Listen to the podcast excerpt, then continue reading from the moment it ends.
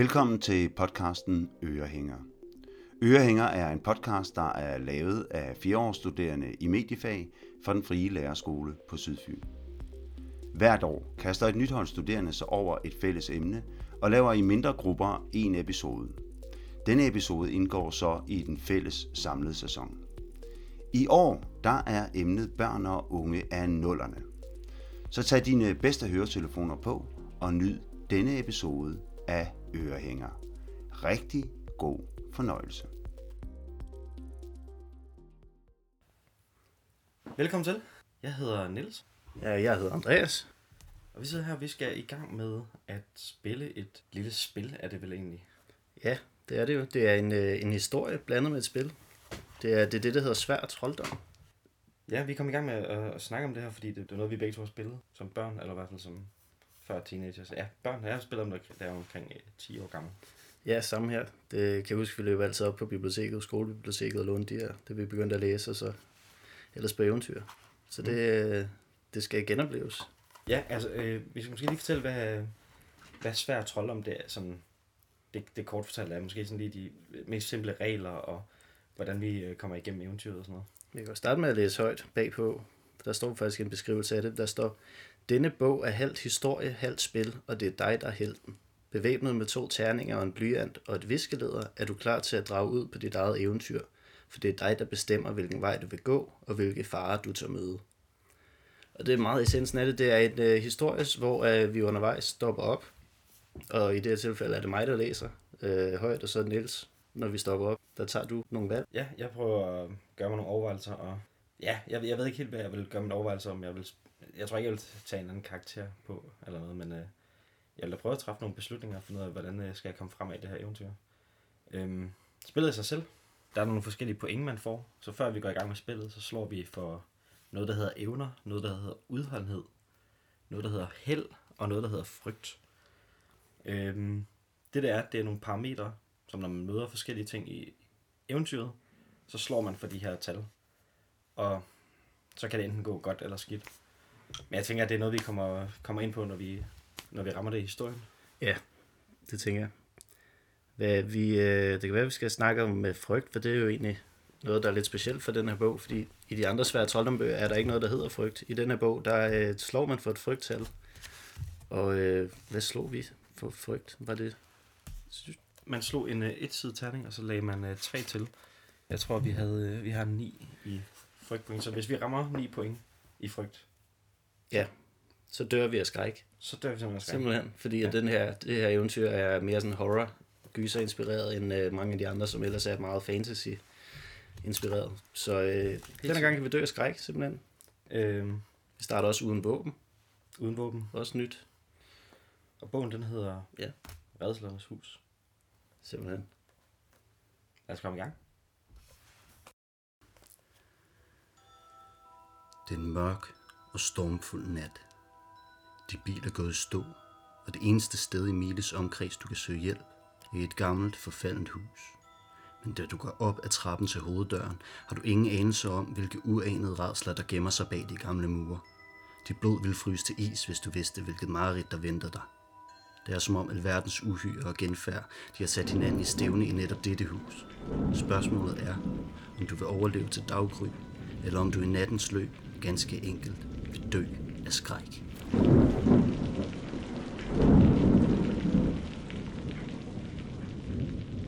Du går op af de knirkende trin til hoveddøren. Du standser op for at få vejret. Selvom du løb hele vejen op ad indkørslen, er du gennemblødt. Dine fødder er specielt våde. At dømme efter det antal vandpytter, du løb igennem i mørket, behøver indkørslen opfyldning for en mindre formue. Men inde på verandaen, der er du i ly for stormen, og du ryster vandet af dine klæder, før du vender dig mod døren. Regnen pisker stadigvæk ned, men en ildevarslende stillhed ligger i luften. Der er ikke lys i stueetagen. Du går ned fra verandaen for at undersøge første sælsvinduet, som tiltrækker din opmærksomhed tidligere. Men der er intet. Der er intet lys. Stedet ser forladt ud. Men så kommer du i tanke om klokken. 5 minutter over midnat.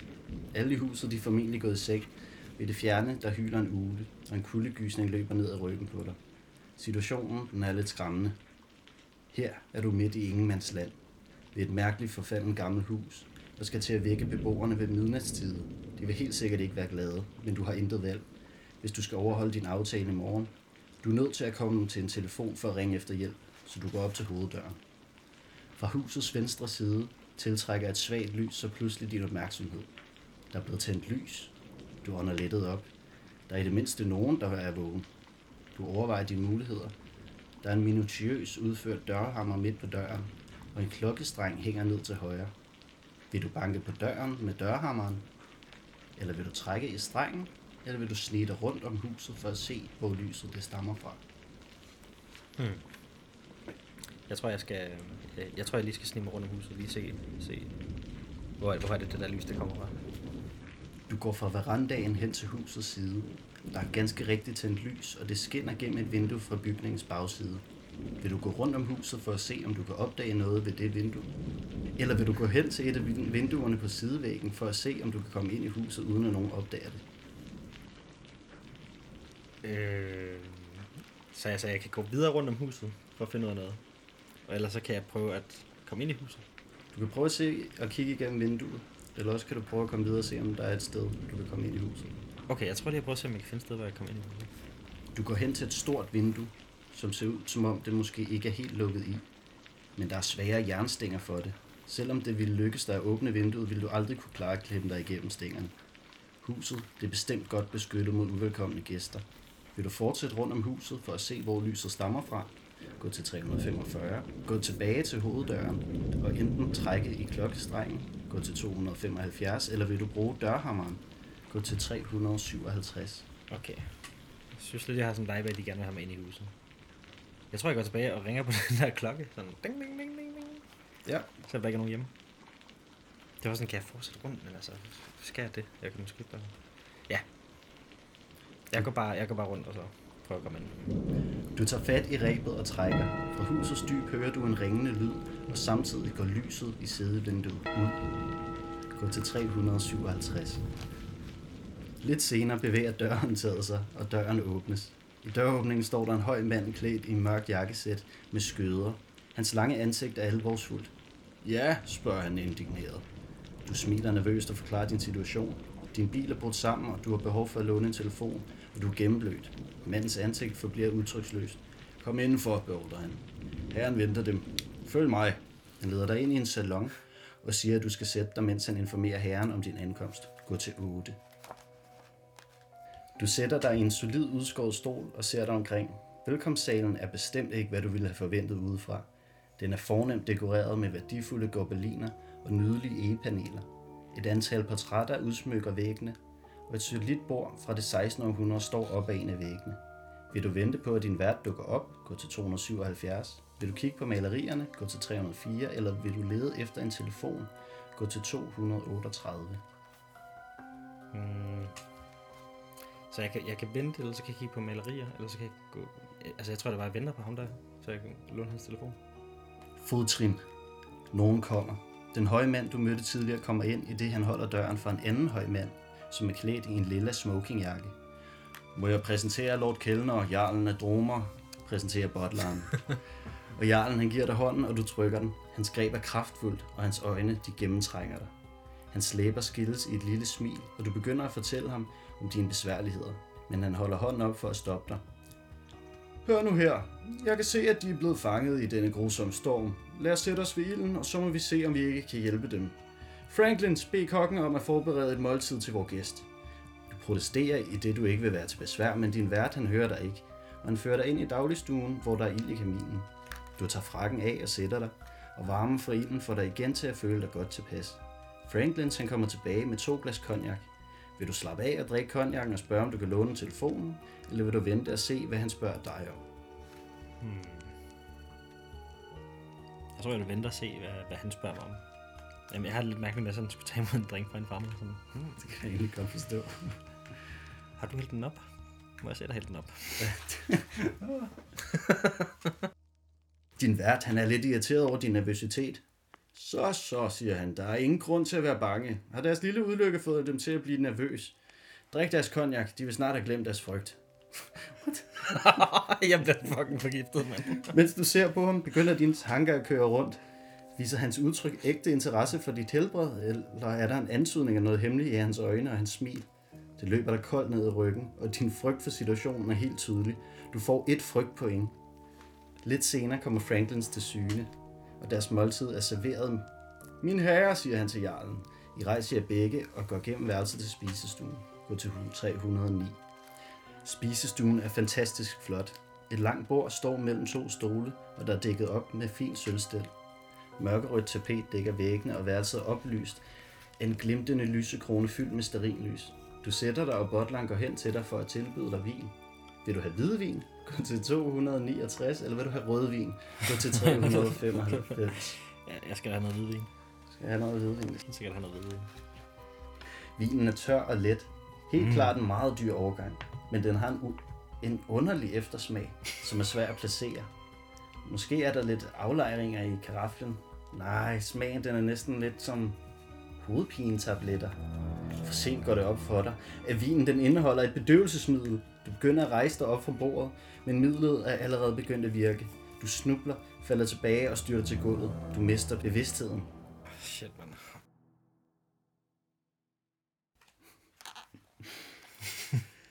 Du åbner øjnene, du er rundtosset, og det tager noget tid, inden det går op for dig, at dine hænder og fødder de er bundet. Værelset, som du er i, det er tomt, men du finder på noget. Du vil hoppe over til vinduet, du vil smadre glasset, og du vil bruge det til at skære dig selv fri. Det er svært at komme på benene, men det lykkes dig. Og med en blanding af hoppen og trippen når du over til vinduet. Udenfor, der blæser vinden og regnen mod vinduesruderne. Vil du så fortsætte og smadre vinduet med dine hænder? Det er noget af en risikabel affære, eller vil du i stedet for prøve dit held? Hvis du vil prøve dit held, gå til 136. Hvis du vil ikke bruge dit held her, så gå til 360. Hmm. Vil jeg prøve mit held her?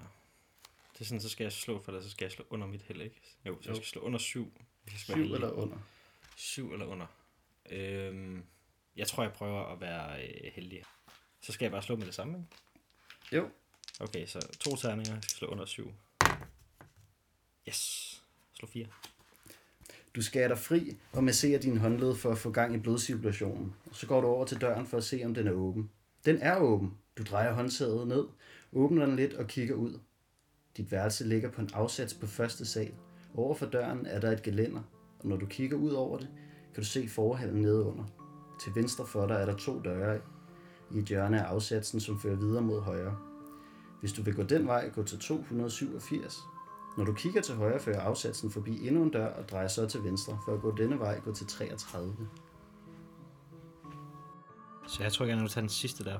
Øh, gå til 33, hvor jeg går forbi døren til venstre, ikke? Er det sådan lidt risk at bare gå og stikke hovedet ind af alle mulige rum lige nu? Ja, jeg, jeg ved heller ikke helt. Jeg tror bare, jeg, jeg, tror bare, jeg, tror bare, jeg gerne vil ud herfra. Lidt længere hen af balkongen kommer du til en dør, hvor der står Azazel på navneskiltet. Hvis du vil prøve denne dør, gå til 358. Hvis du vil foretrække at fortsætte ved at gå til venstre og følge afsatsen, gå til 229. Hvad, hvad sagde du til navn, der var? Azazel. Azazel. Og der står på døren. Ja. Prøv, jeg, jeg tror, jeg går videre. Du følger afsatsen rundt, indtil du når en anden dør på din højre side. Et navneskilt fortæller, at det er Erasmus-værelset. Hvis du vil gå ind i dette værelse, gå til 140. Lidt længere fremme for gangen er der en anden dør. Hvis du har lyst til at gå derhen, gå til 332. En hvad siger du? Erasmus? Erasmus-værelset. Det er skørt. Erasmus? Nå. Hvad fanden? Det er fordi, jeg tænkte, det var sådan et vampyr-tema. Så jeg starte med, men det, Ja. det ved jeg ikke helt.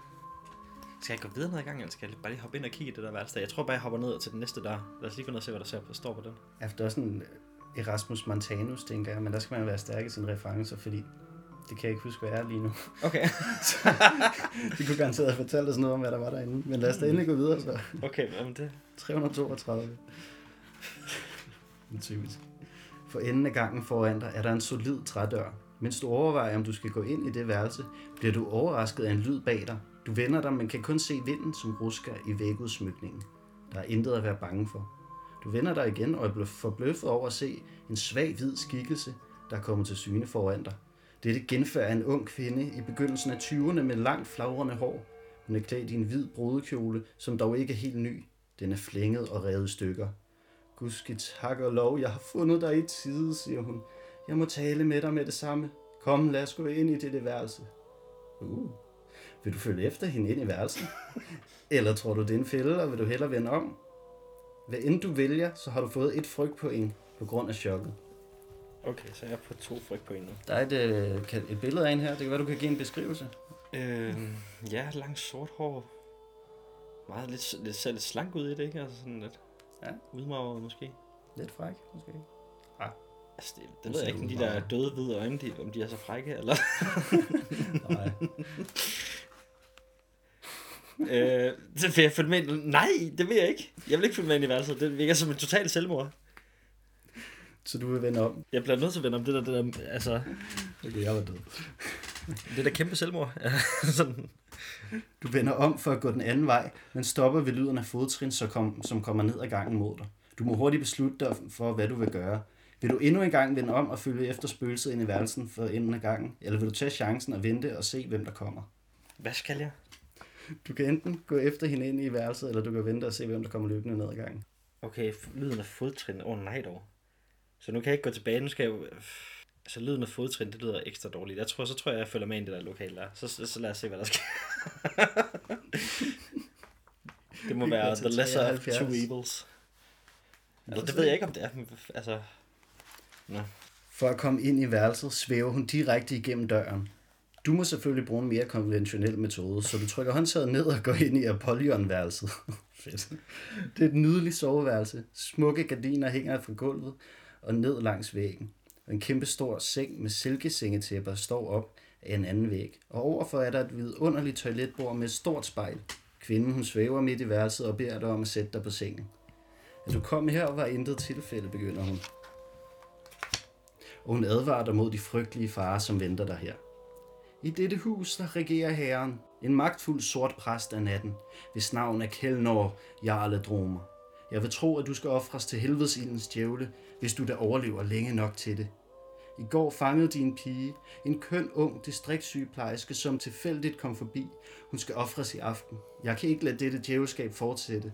Der må være en måde, hvorpå det kan stoppes. Hvis du kan finde krigskniven, kan du komme videre og overvinde Kelnor, for dette våben er hans eneste svaghed.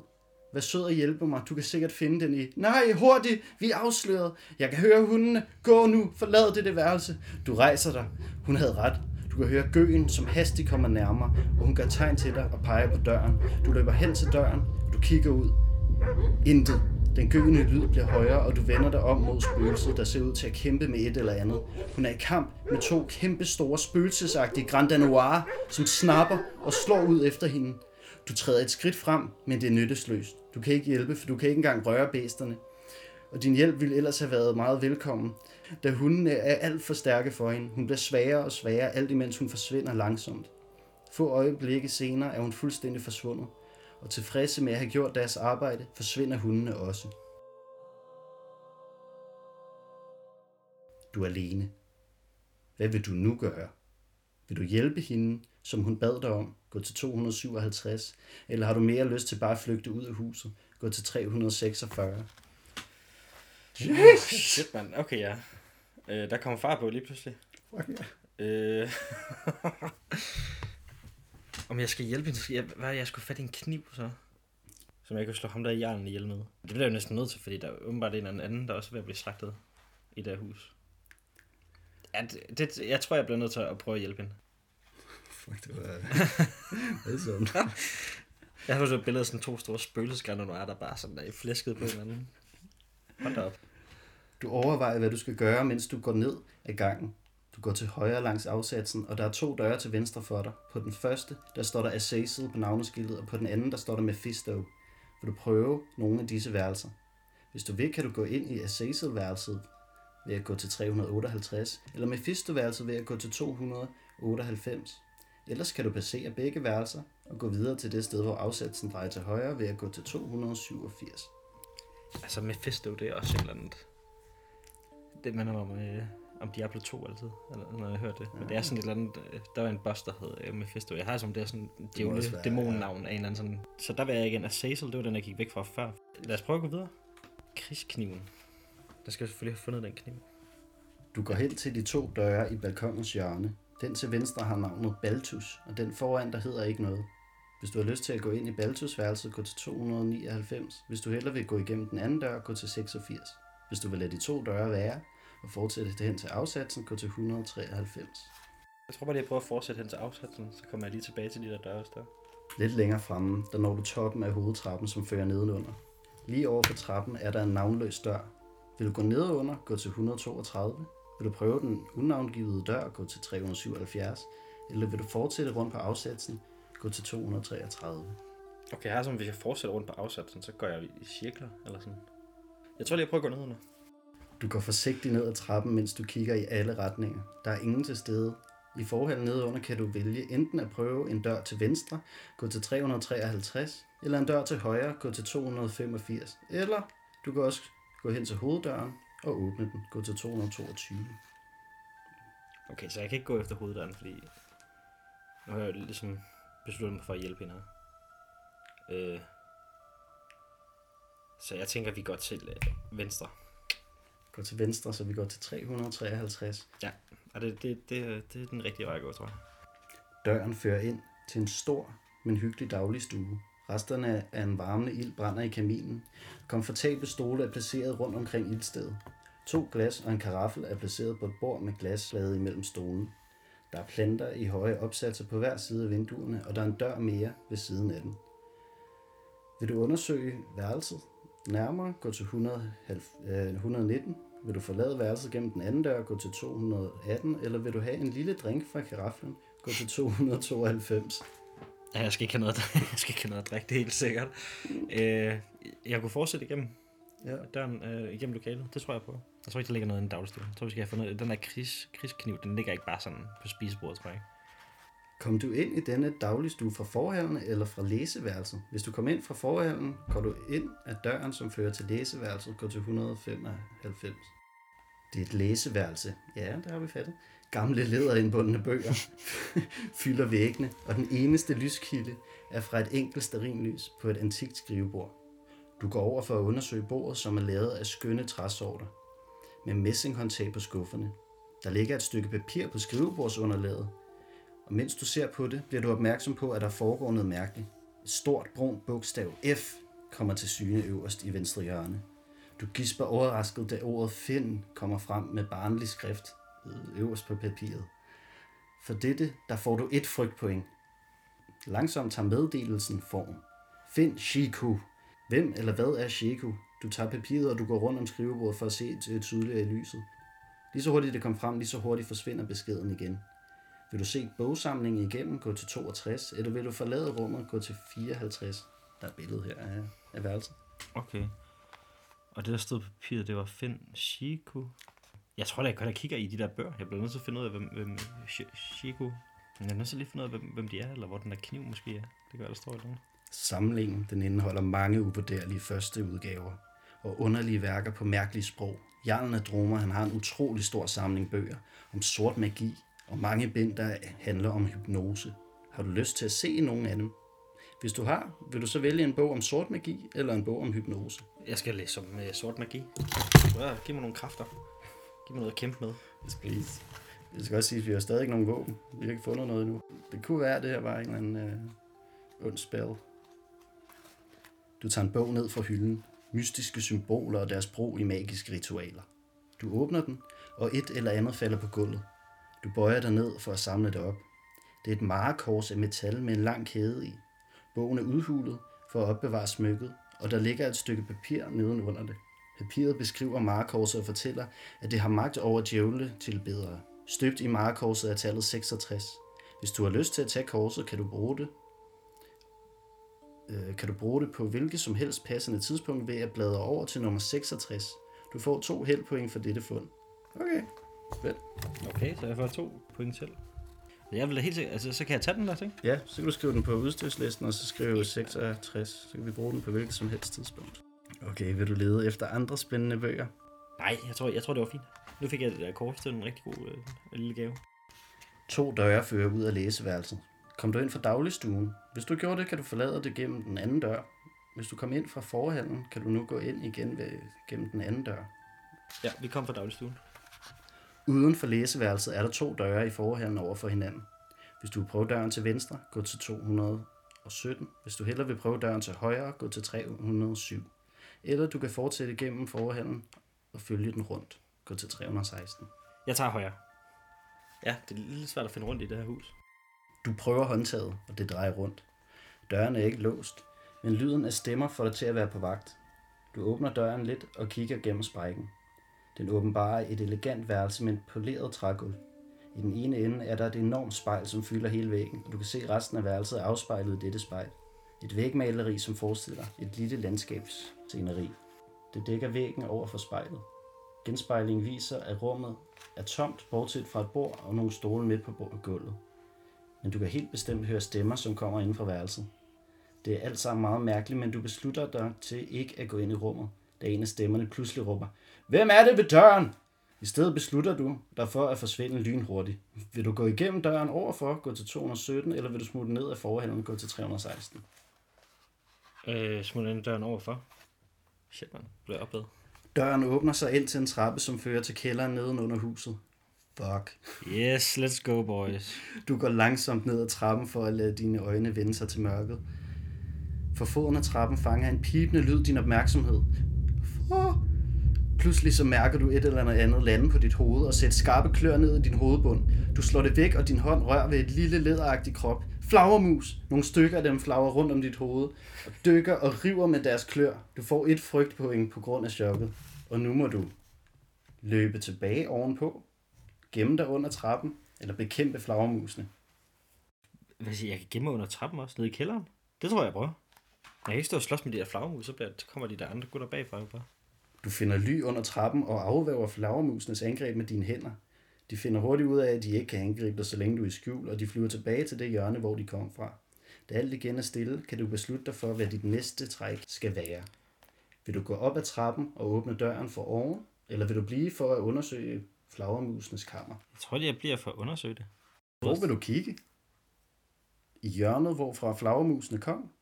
Langs bagvæggen? Eller under trappen? Sidder under trappen. Øh. Langs bagvæggen, tror jeg lige, tjekker. Jeg vil ikke kigge op det der hjørne der, så flyver de der bare på mig. Du føler dig frem langs væggen for at se, om du kan finde en hemmelig indgang. Men du kan intet finde. Netop som du er begyndt at tro, at du spilder tiden, frigør din hånd en mursten. Bag stenen er der et håndtag. Du trækker i håndtaget, og en rumlende lyd kommer fra væggen ved siden af. En del af væggen glider til side og åbenbarer en lille indgang, lige netop stor nok til, at du kan komme igennem. Du kigger ind, men der er kulsort. Vil du gå igennem denne døråbning, eller vil du ikke løbe risikoen og gå op ad trappen igen? Nej, hvad mener Altså, altså lige afsted. Fuld fart ind i det hul der. Altså, det, det er helt sikkert der, vi skal ned. En hemmelig dør? Nej. Ja, præcis sådan. Du åbner en hemmelig dør. Vil du gå ind? Nej, jeg tror bare, jeg går op i køkkenet. Eller stuk. Du befinder dig i en mørk tunnel. Den er ret kort og ender ved en dør. Du åbner langsomt døren, og da du er sikker på, at der ingen er derinde, går du ind i rummet. Det ser ud som en form for ceremonielt forværelse eller påklædningsrum. Fra kroge rundt på væggen hænger 30-40 hvide dragter, og på hylderne under dragterne er der makabre masker lavet af gedehoveder. En enkelt gang fører videre over til venstre, mens du tænker over, hvor du skal gå hen, får en lyd det til at løbe dig koldt ned ad ryggen. Der kommer nogen. Støjen af stemmer vokser, da en gruppe mennesker nærmer sig rummet. Du ser dig hurtigt omkring efter et sted at gemme dig, og du smutter hen til døren. Pludselig så åbner døren, og omkring 40 mennesker kommer ind i rummet, mens de snakker ophidset sammen. Du blander dig med dem og smelter ubemærket sammen med mængden. De, de tager gas på en mand kaldet Broder Isaksson. Det ser ud til, at denne aften er noget specielt for ham. Du gør som dem, og du ler og du smiler, og du tager oven i købet en dragt og en maske på. Til sidst, da alle er klædt på, går de videre ned af den anden gang. Vil du følge efter dem, eller vil du blive ved bagtroppen, i håb om, at du ubemærket kan blive tilbage i rummet? Øh, Jeg tror, hvor jeg følger med dem. De står her og danser med deres gedemasker. Og Altså, det er den rigtige gedehoveder, de er på med horn og det hele. Der er en pentagram igen på. Okay. Så det er nogle, øh, søde satanister, vi har med at gøre her. Jeg tror bare, jeg går med dem. Jeg tror ikke, jeg vil- blive. Så bliver jeg sikkert bare opdaget. Jeg tror, jeg går med dem. Også fordi vi skal se, hvad, hvad, hvad skal der ske her? Gangen munder ud i et enormt kammer med klippevægge. Mystiske symboler er malet på væggene, og fire gedehoveder på stager markerer det midterste område. I midten af dette område er der et alter dækket af sort klæde, og ved alderet står et, et formummet skikkelse.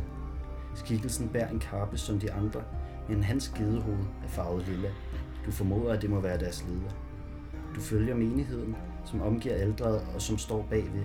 Få minutter senere kommer der en anden lyd fra gangen. Denne gang kan du høre en ung kvinde skrig. To af de maskerede personer kommer til syne fra gangen. Trækkende med en køn lyshåret pige. Hun kæmper vildt for at komme løs. Hun skriger skingert.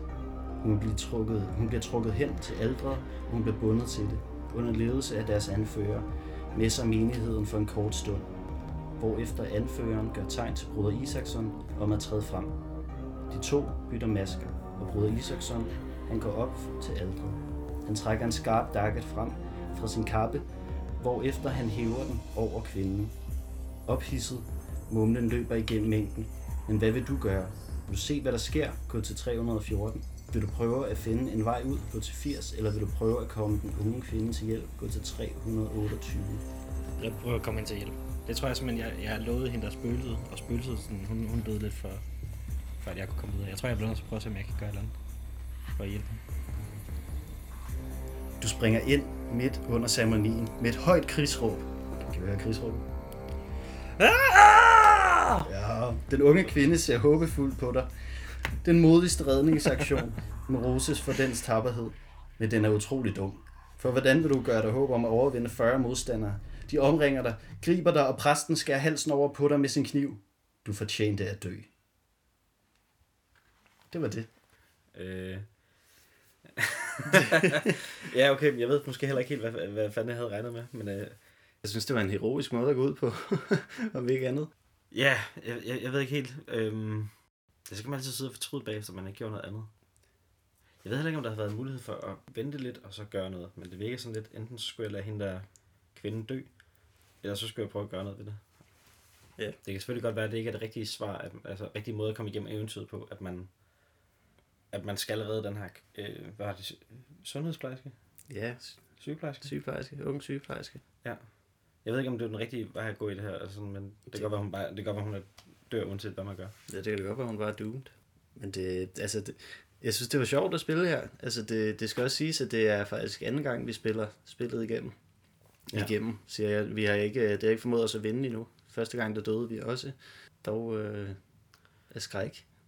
Ja, der var noget, der var interessant, som du sagde. I forhold til forfatteren på den her bog. At han er, han er ikke den sådan højst bedømte, eller hvad siger bedst bedømte af de her forfattere. Ja, de to, der har skrevet den, er han, øh, det er ikke hans bøger, der er de mest populære. De er lidt kringlede. Mm. Jeg synes også, at første gang vi spillede det igennem, der gik vi igennem øh, mange af de der små rum og sådan noget. Og der var bare mange af dem, der var tomme. Ja, Og så Ja, ja. synes jeg også, den der... Øh, vi, vi skulle vælge en hel menu. Sådan en forret og en hovedret og en dessert. Ja. Første gang vi gik igennem bogen. Og det virkede også som... Det var meget hyggeligt, men Ja, det var ikke, det var ikke så, det var nemlig hyggeligt, og- men man havde lidt forventet, at det skulle være en uhyggelig historie, så ja, ja, det er måske det. det slog lidt ved siden af der, men det var, det var skide sjovt. Men, øh, Ja, det synes jeg da også. Jeg, jeg tror egentlig gerne, jeg vil... Øh, jeg synes, det var meget sjovt bare at begynde at spille sådan svær trolddom, men altså, hvis man bare sidder en aften og slapper af ja, øh, med nogle andre. Og sådan. Den her, det er selvfølgelig en gyserhistorie, det ved jeg ikke, om man har lyst til, men de andre er jo bare fantasy. Ja. Og det er da måske sjovt, at man så stille og roligt prøver at finde ud af, hvilke veje skal jeg gå for at komme videre. Ja, okay, jeg ved ikke, kommer den her vej, så dør jeg af frygt, eller herover så skal jeg få den her ting, jeg kan bruge videre, et våben eller sådan noget. ja. Altså, føler du ikke også, at hvis vi spillede den en tredje gang her, så ville vi nå noget længere end de to første gange? Jo. Jeg synes, det var mega sjovt. Ja. Ja, tak for spillet. Ja, selv tak. Det, det kan anbefales, vil jeg sige. 100%. Man kommer i nærheden af nogle svære troldombøger, så prøv dem. Ja, giv det et forsøg, mand. Det er virkelig fedt. De bliver en gang imellem genudgivet. Kan man se efter dem i farve, cigar eller lignende, men øh, det vil ikke sidde og lave reklame for. Det, det er jo ved. Der kan godt være lidt reklame morgen. Ja. Skriver vi til dem. Send os some free shit.